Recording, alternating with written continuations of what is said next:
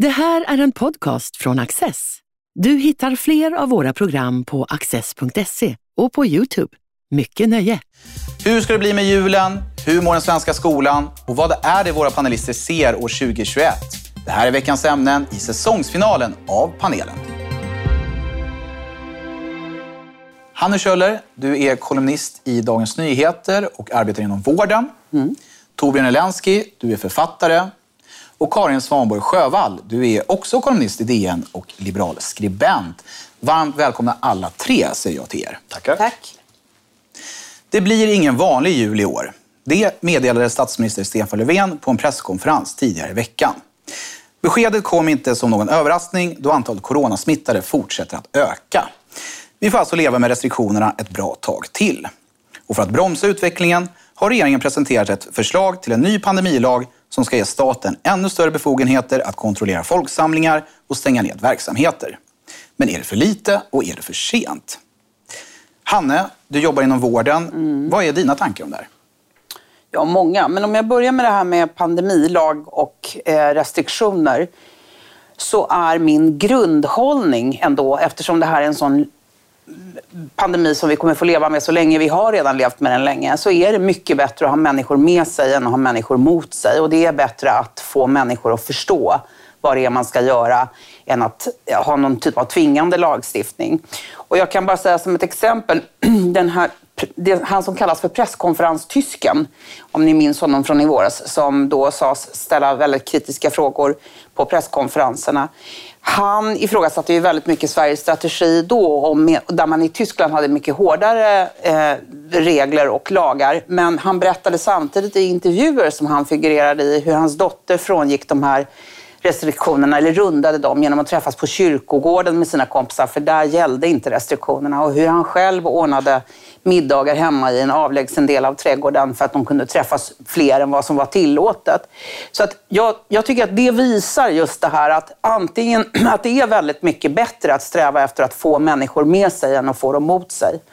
Å andra sidan, det som har varit problem eh, är ju dels det här att man inte har förstått logiken i de regler som har funnits. Att man har inte fått kunna gå på teater, men man har kunnat gå på Ullared. Och det där har ju människor upplevt som väldigt märkligt. Och det, förklaringen till det är ju att regeringen hittills har liksom i, i hög grad använt den lagstiftning som finns, ordningslagar och så vidare. Och man har rattat där man har kunnat ratta och så har man låtit det andra vara i fred.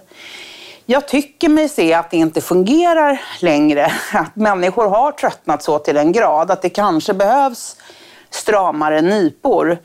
Men jag tycker att det är ett svaghetstecken. Eh, jag är bekymrad över det och jag är bekymrad över att så många som brukar kalla sig liberaler har visat på så mycket auktoritära reflexer och att man förespråkar en modell som innebär stora ingripanden i människors vardag. Jag hade önskat att det hade gått, men det är möjligt. Eller jag tycker att som situationen ser ut nu och som situationen ser ut på sjukhusen, inte minst i Stockholm, så tycker jag att det visar att någonting behöver tyvärr göras. Jag skulle önska att det inte behövdes. Vad säger Torbjörn? Nej, jag instämmer helhjärtat. Jag bor ju på Söder och där märks det knappt att det är pandemi. Folk är helt som vanligt. Liksom. Det är vissa restauranger som har lite glesare, men annars är det inne på Ica, är full rulle överallt på gatorna. Knappt någon som verkar bry sig. Karin, har du någon kommentar till?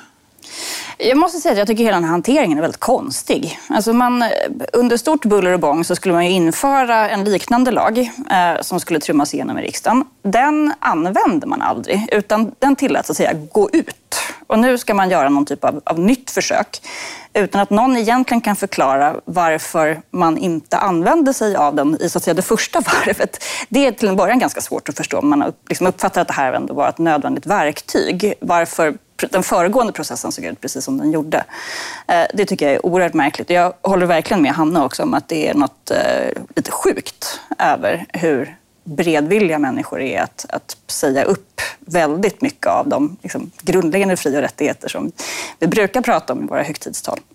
Det kan vara nödvändigt. Jag tycker nog inte att det är det eh, i det här läget. Och det finns ju också en hel del som säger att med den befintliga smittskyddslagen så finns det faktiskt möjligheter för regeringen att göra ingripanden som går utöver de vanliga befogenheterna. Det skulle inte behövas en sån här lag där man måste eh, runda riksdagen på det sätt som man kommer att göra nu. Så jag, ty jag tycker det finns väldigt mycket frågetecken kring varför vi är där vi är idag. Jag är verkligen ingen expert på hur andra länder har gjort. Eh, men jag tänker också att hur mycket av de hårda restriktioner som har trummats igenom i början av pandemin som inte har liksom vållat eh, några reflexer, eller som inte har utlöst de liberala reflexerna hos en stor del av befolkningen. Nu lyssnade jag på, så jag ska inte, det här är andrahandsuppgifter, men jag lyssnade på Nordegren och Epstein i våras när de hade ett inslag från, med en dansk journalist som berättade om deras, de här paketen som har kommit.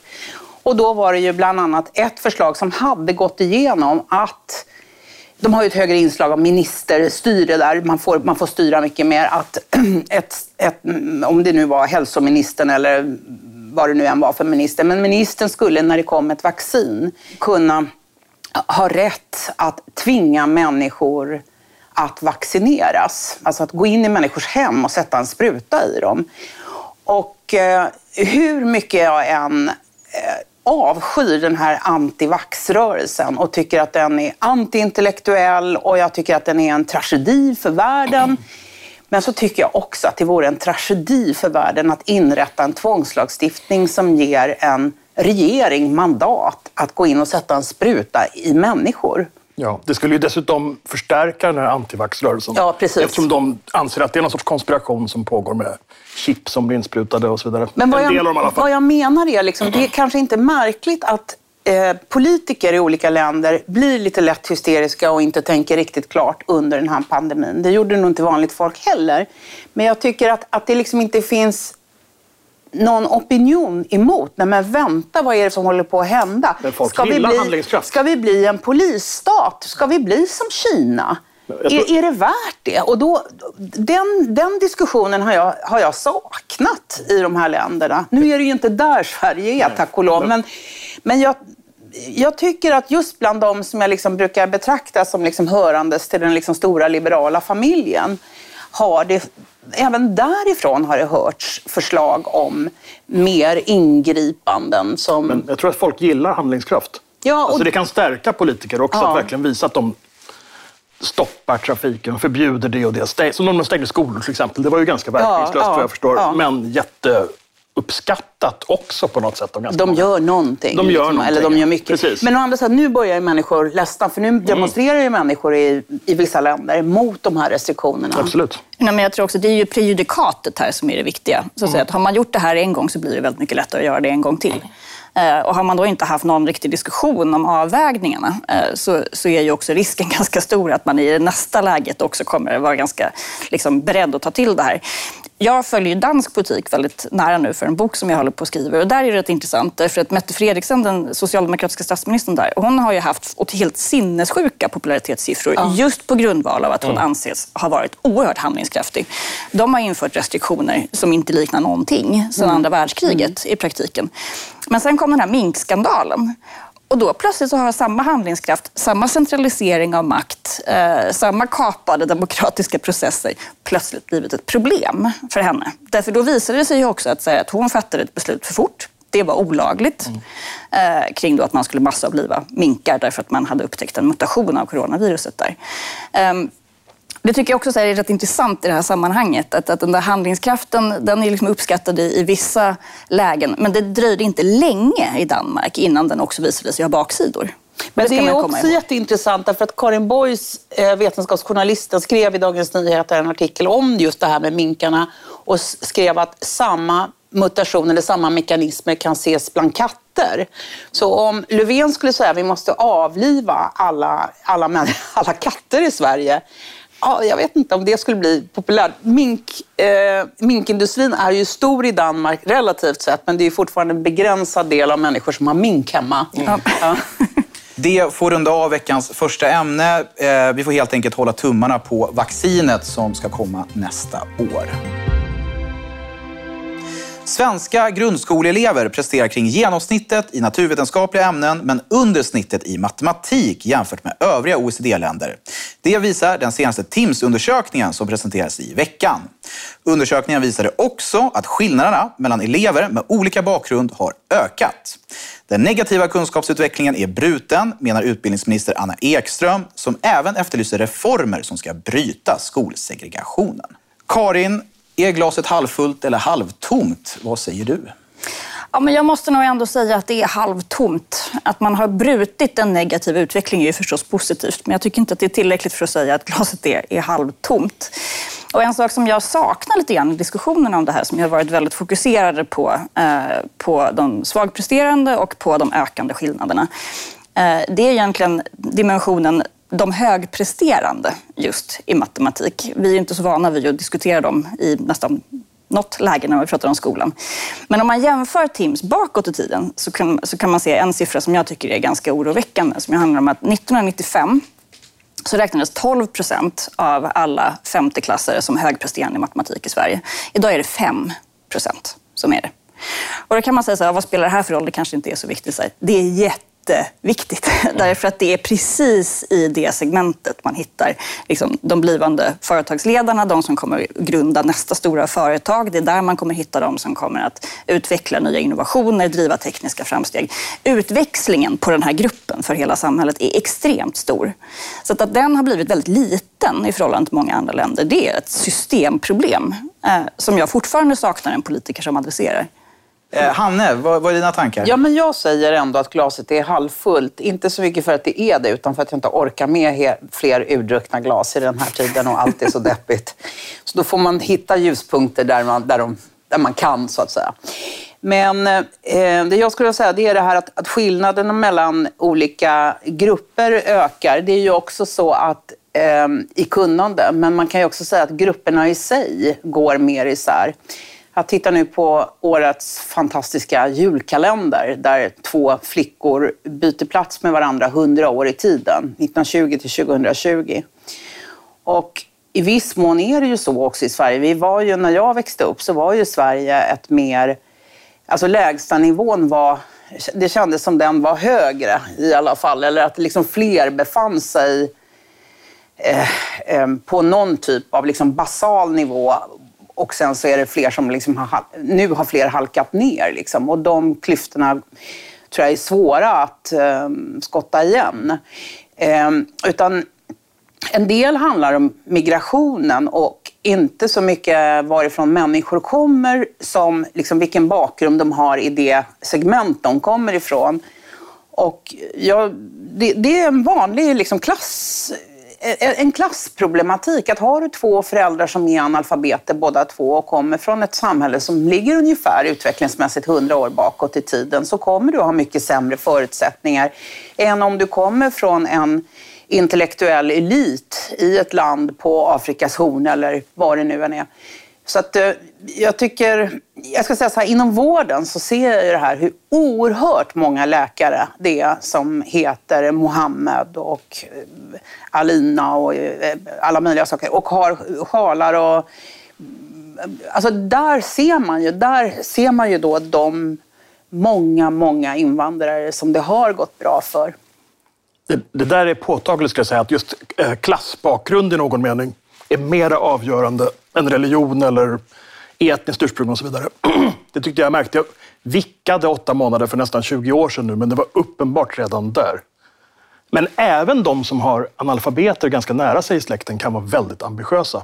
Jag tror att de som är svårast är de som kortsiktigt är inriktade på att tjäna pengar helt enkelt. För då är det inte viktigt att studera på samma sätt. Man måste värdera studierna. Men... Det, är också, det, är också, det är också ett problem i svensk skola då kan man säga generellt ändå. Att man måste ha akademikerföräldrar för att det ska gå bra för en tydligen. Så det kan ju inte vara rimligt. Ja, fast det blir ju liksom en, en, en klassresa som kanske i, i, för infödda svenskar har tagit två generationer, tre generationer att genomföra. Fast det blir för... inte en klassresa då om de inte... Nej, men Nej. det skulle kunna bli det. det Vi kanske måste det, ja. börja kunna se det så att eh, det, det kanske är så att den som har två analfabetföräldrar får läsa en kortare högskoleutbildning och sen läser deras barn en längre högskoleutbildning och sen, sen, sen är det fria val på något sätt för alla. Jag Men att det tar tid. Liksom. Jag tror också, också ett allvarligt problem i skolan är det här att lärarna förväntas uppfostra eleverna också. Mm. Det borde ju föräldrarna göra uppfostra eleverna. Sen ska de helt enkelt respektera läraren och göra läxorna och sitta tysta på lektionerna. Det där tror jag är jätteviktigt. Alltså just istället så har vi de här pseudodebatterna om, om friskolor. Liksom, ja, ja. Det kan vara att det är helt uppenbart att ett grundproblem i den svenska skolan är just att man har haft ett så splittrat uppdrag. Mm. Ja. Alltså, om man hade fokuserat på det som, är, alltså, som verkligen ger en, så att säga, en, har en kompensatorisk effekt så är ju det kunskap. Absolut, ja, absolut. Men, men det är inte där fokus har legat, utan det har legat på en massa andra saker. Och skolan har också inom blivit, blivit en, en socialtjänst. Ja. Så att man har liksom packat olika uppgifter på skolan som jag tror också har gjort att man har distraherats från det som är själva grunduppdraget, som också gör det mycket mindre relevant att som en, som en, som en kompetent, driven, ambitiös person välja att bli lärare. Um, så att om Anna Ekström är intresserad av att vända den här utvecklingen så tror jag att det är rätt mycket där man ska börja. Ja. Lär, lärarrollen tror jag behöver sin egen utredning. Liksom, för de är så fruktansvärt belastade nu av sammanträden och rapporter och alla typer av såna blanketter man ska fylla i och förklara saker också. De ska uppfostra eleverna, de ska göra någon sorts NPM-rapporter och ha då ofta sammanträden med andra lärare efter att skoldagen är avslutad. Så normal dag för en lärare, det såg jag på det här gymnasiet. Jag tror inte det har ändrats sedan dess. Man kommer dit kanske en timme innan lektionerna börjar, vid sju. Och sen måste man stanna en timme efter att lektionerna är slut, minst. För att hinna träffa andra lärare och sånt där. Och ha föräldramöten och allt som man har. Det är enormt ansträngande. Eh, kulturskribenten Håkan Lindgren har ju i en essäserie på Smedjan skildrat hur den svenska skolan utvecklats under 1900-talet. Eh, en sak som slog mig när jag läste den eh, är ju hur synen på kunskap har förändrats fullständigt. Från att kunskap har varit något viktigt och det ska vara fakta som står i centrum, nu pratar vi liksom under 1900-talets början, till att bli eh, ja, faktiskt sekundärt. Det vill säga det är processerna, hur man får kunskap som är det, som är det viktiga, inte själva kunskapen i sig. Vad, vad, vad, tänker ni andra kring det? Jo, men även det här att alla har rätt till sin egen uppfattning, att, att, att eh, läraren och eleven ska vara jämlika. Så att om eh, eleven tror att förintelsen inte har ägt rum och läraren säger att förintelsen har ägt rum, så ja, det är din sanning ungefär. Nu hårdrar jag det lite men, men det har ju präglat synen istället för att säga att läraren är en auktoritet.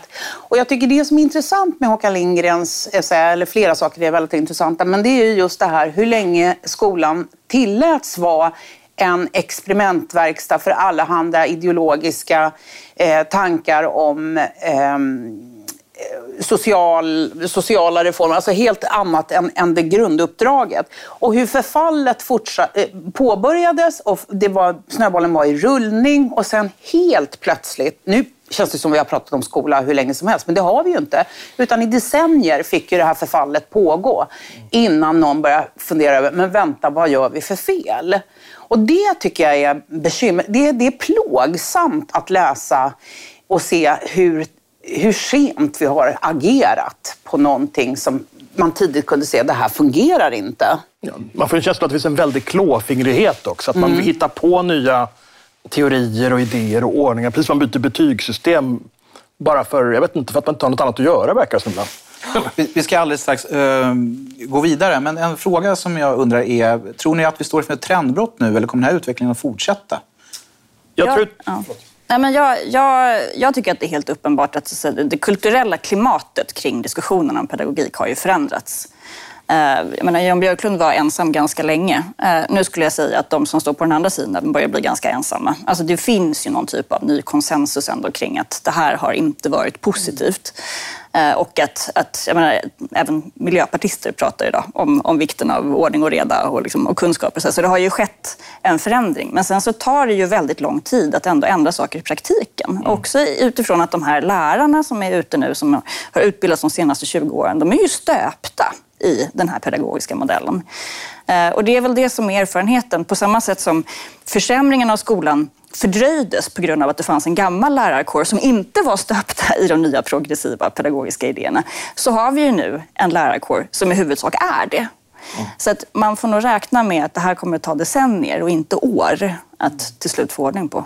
Jag tror också den här skillnaden mellan elit så att säga och välfungerande skolor och en sjunkande medelnivå kommer att fortsätta åt det hållet. Det går inte att bromsa det så snabbt. Alltså. Ja, vi får se hur det här utvecklar sig. För nu är det dags att gå vidare och blicka in i framtiden. År 2020 är snart bakom oss och det är nog de flesta glada över. Men hur ser kommande år ut? Jag har bett veckans panelister som sitter framför mig att ta fram sina kristallkulor och blicka in i år 2021. Måtte det bli ett bättre år än detta. Torbjörn, vad ser du framför dig? Jag ser ett eh, 2020 2.0. Jag tror att det kommer att fortsätta som nu och det kommer att fortsätta utför. Och jag tror att siffrorna eh, som vi har fått hittills, eh, de är helt förfärliga. 500 miljoner jobb har försvunnit. Jorden runt, heltidsjobb. 90 miljoner människor förväntas sjunka under den absoluta fattigdomsgränsen. Hela turistindustrin som ändå utgör 10 procent av världens ekonomi är totalt havererad.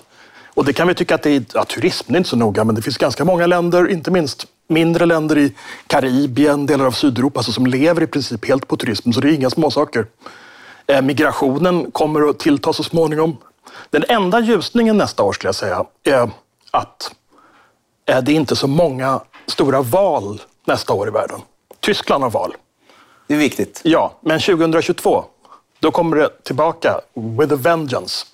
För då är det val i Brasilien, det är midterm i USA, det är val i Italien. Frankrike också. Frankrike, presidentval eh, har jag för mig. Ja. Eh, I Sverige är det val, eh, Ungern är det val. Mm. Och då tror jag att det här som byggts upp nu under 2020 och som kommer att fortsätta i hög grad under 2021, det kommer att eh, det kommer kännas av ordentligt. Så tänker du liksom en, en uh, populistisk backlash? Eller? Alltså det är svårt att veta det är inte säkert att populisterna kommer att ha vind i seglen, för en del av dem har ju faktiskt haft makten nu eh, under den här perioden. Eh, jag kan, tror att alltså det kommer bli någon form av reaktion. Det kan ju även bli en extrem vänsterreaktion, vem vet? Det beror på vad som hinner träda fram under den här tiden. Men de som sitter vid makten nu och som uppfattas, som har ansvar för hur det här behandlas och som dessutom kommer att kopplas ihop med 2020 och 2021 oavsett hur mycket pengar de pumpar in i ekonomin och sånt där, de kommer, tror jag, att straffas för det.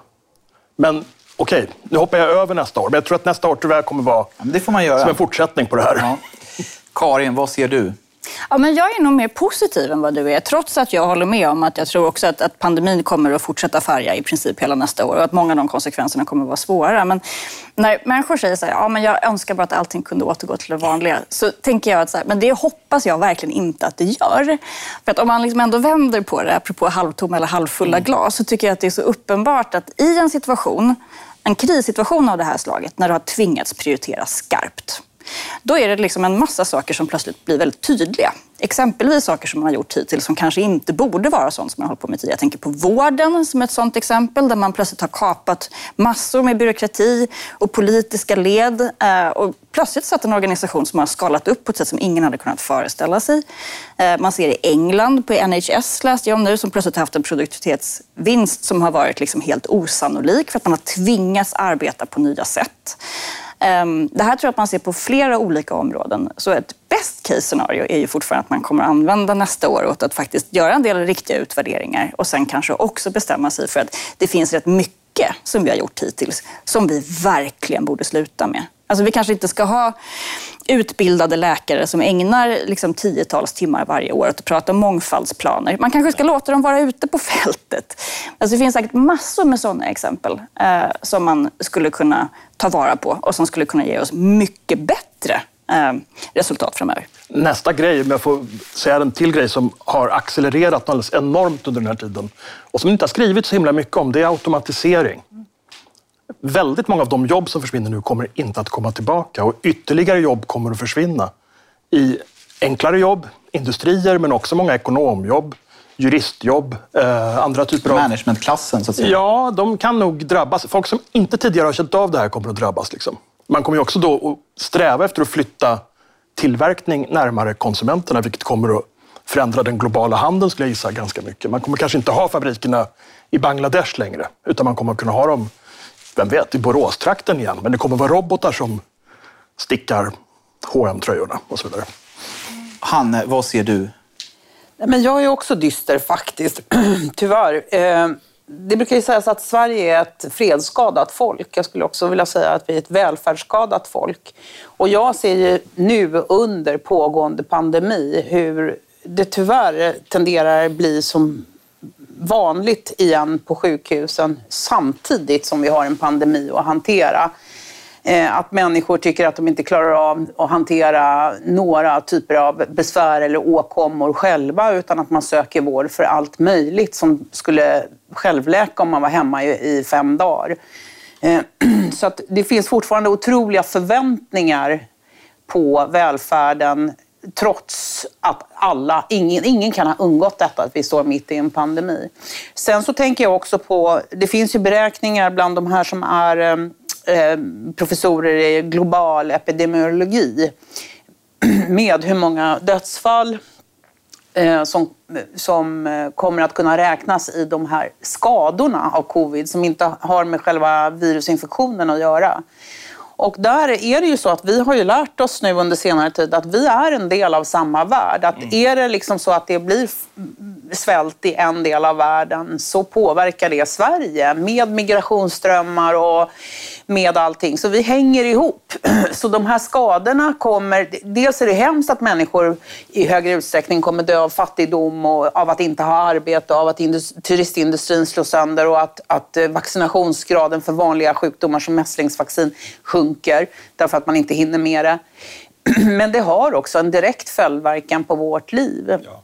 Det går inte att skilja vård och ekonomi, som en del menar. Ja, man ska prioritera det ena eller andra. Det hänger ihop ja. allting på ett sätt som är fruktansvärt. Och hela världen hänger hela ihop. Hela världen hänger absolut ihop. Och det gäller ju även nu vaccin. Det, om det distribueras i de rikaste länderna i världen, det är ju bra. Men det kommer ju inte räcka. Det kommer ju tvunget att distribueras i hela det globala syd, som man säger också. Där är det många länder som inte kommer kunna betala för det. De kanske inte kommer kunna administrera eh, utdelandet av, av, vaccin och så vidare så himla lätt. Så det kommer vara ett jättestort globalt åtagande till de som vi redan har haft här som också har att göra med lån och sånt. Där Världsbanken har gett enorma summor jämfört med vad de vanligen ger till länder i Afrika och så vidare söder om Det som här bristen i de länderna är ju personal som kan administrera ja. det här. Jag tror egentligen inte att pengar är ett problem eller vaccindoser.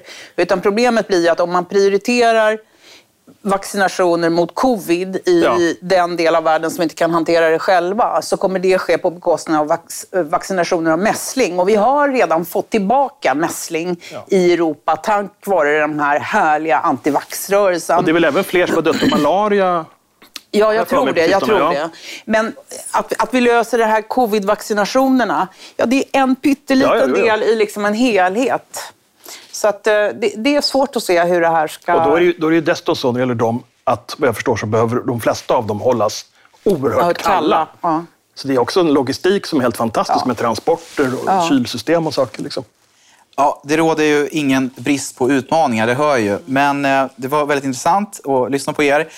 Och stort tack för att ni har varit med den här säsongen. Och stort tack för att ni har tittat. God jul och gott nytt år. Du har just lyssnat på en podcast från Access. Du vet väl att vi också är en tv-kanal och tidning? Teckna en prenumeration idag på access.se.